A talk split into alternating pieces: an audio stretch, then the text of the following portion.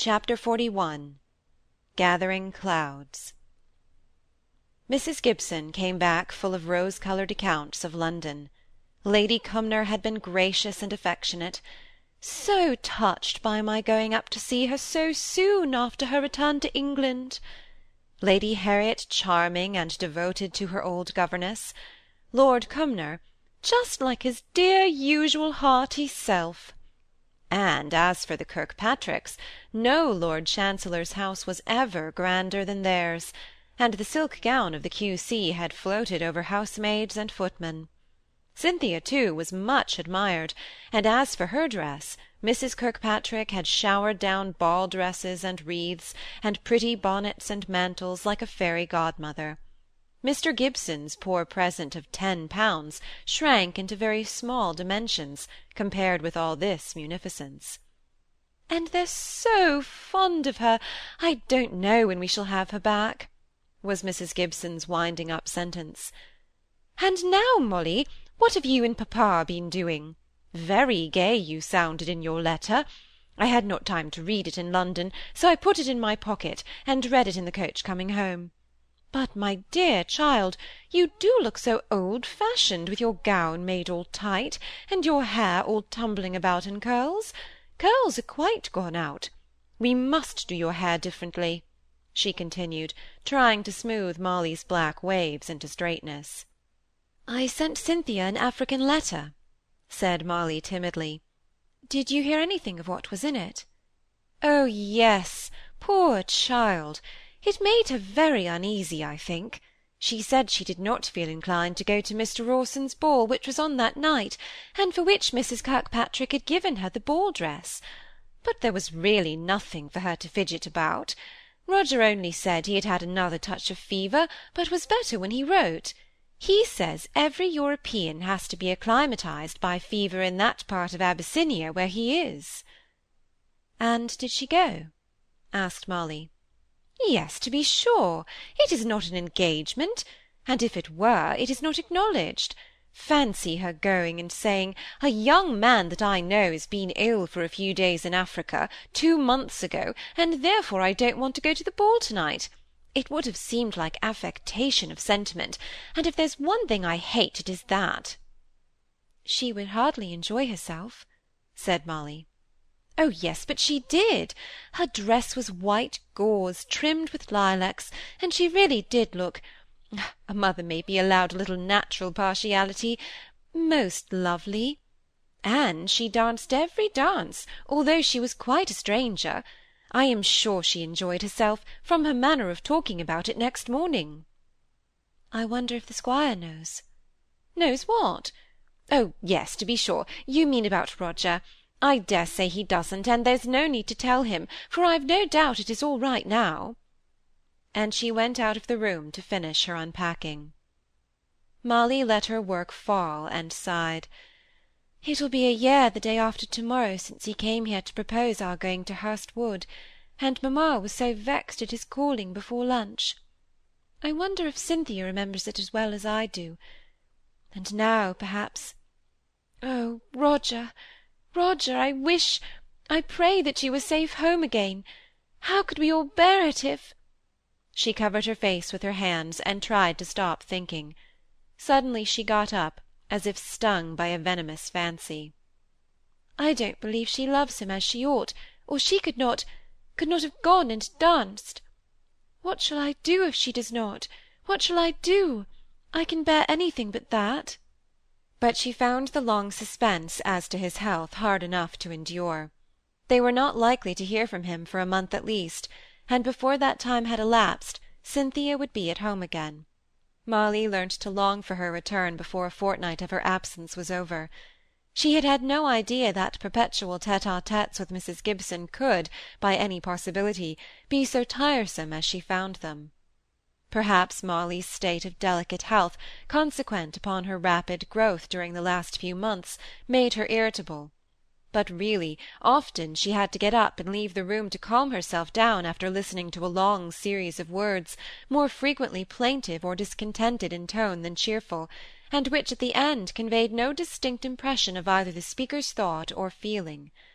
Whenever anything had gone wrong, whenever Mr Gibson had coolly persevered in anything to which she had objected, whenever the cook had made a mistake about the dinner, or the housemaid broken any little frangible article, whenever Molly's hair was not done to her liking, or her dress did not become her, or the smell of dinner pervaded the house, or the wrong callers came, or the right callers did not come, in fact, whenever anything went wrong, poor Mr Kirkpatrick was regretted and mourned over, nay, almost blamed, as if, had he only given himself the trouble of living, he could have helped it. When I look back to those happy days, it seems to me as if I had never valued them as I ought. To be sure, youth, love, what did we care for poverty? I remember dear Mr Kirkpatrick walking five miles into Stratford to buy me a muffin, because I had a fancy for one after Cynthia was born. I don't mean to complain of dear papa, but I don't think but perhaps I ought not to say it to you if Mr Kirkpatrick had but taken care of that cough of his, but he was so obstinate. Men always are, I think. And it really was selfish of him. Only I dare say he did not consider the forlorn state in which I should be left. It came harder upon me than upon most people, because I always was of such an affectionate, sensitive nature. I remember a little poem of Mr Kirkpatrick's, in which he compared my heart to a harp-string vibrating to the slightest breeze. I thought harp-strings required a pretty strong finger to make them sound, said Molly. Oh, my dear child, you've no more poetry in you than your father. And as for your hair, it's worse than ever. Can't you drench it in water to take those untidy twists and twirls out of it? It only makes it curl more and more when it gets dry, said Molly, sudden tears coming into her eyes as a recollection came before her, like a picture seen long ago and forgotten for years, a young mother washing and dressing her little girl, placing the half-naked darling on her knee, and twining the wet rings of dark hair fondly round her fingers, and then, in an ecstasy of fondness, kissing the little curly head. The receipt of Cynthia's letters made very agreeable events. She did not write often, but her letters were tolerably long when they did come, and very sprightly in tone. There was constant mention made of many new names, which conveyed no idea to Molly, though Mrs Gibson would try and enlighten her by running commentaries like the following. Mrs Green! Ah, that's Mr Jones's pretty cousin, who lives in Russell Square with the fat husband. They keep their carriage but I'm not sure if it is not Mr Green who is a Mrs Jones's cousin. We can ask Cynthia when she comes home. Mr Henderson! To be sure, a young man with black whiskers, a pupil of Mr Kirkpatrick's formerly, or was he a pupil of Mr Murray's? I know they said he had read law with somebody. Oh, yes, they are the people who called the day after Mr Rawson's ball, and who admired Cynthia so much, without knowing I was her mother. She was very handsomely dressed indeed, in black satin, and the son had a glass eye, but he was a young man of good property. Coleman, yes, that was the name. No more news of Roger until some time after Cynthia had returned from her London visit. She came back looking fresher and prettier than ever, beautifully dressed, thanks to her own good taste and her cousin's generosity, full of amusing details of the gay life she had been enjoying, yet not at all out of spirits at having left it behind her. She brought home all sorts of pretty and dainty devices for Molly, a neck ribbon made up in the newest fashion, a pattern for a tippet, a delicate pair of light gloves, embroidered as Molly had never seen gloves embroidered before, and many another little sign of remembrance during her absence. Yet somehow or other Molly felt that Cynthia was changed in her relation to her. Molly was aware that she had never had Cynthia's full confidence, for with all her apparent frankness and naivete of manner, Cynthia was extremely reserved and reticent. She knew this much of herself, and had often laughed about it to Molly, and the latter had by this time found out the truth of her friend's assertion. But Molly did not trouble herself much about it. She, too, knew that there were many thoughts and feelings that flitted through her mind which she should never think of telling to any one, except, perhaps, if they were very much thrown together, to her father. She knew that Cynthia withheld from her more than thoughts and feelings, that she withheld facts.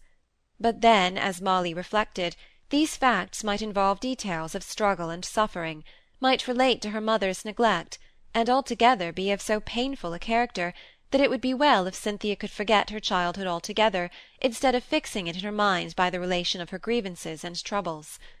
So it was not now by any want of confidence that Molly felt distanced, as it were.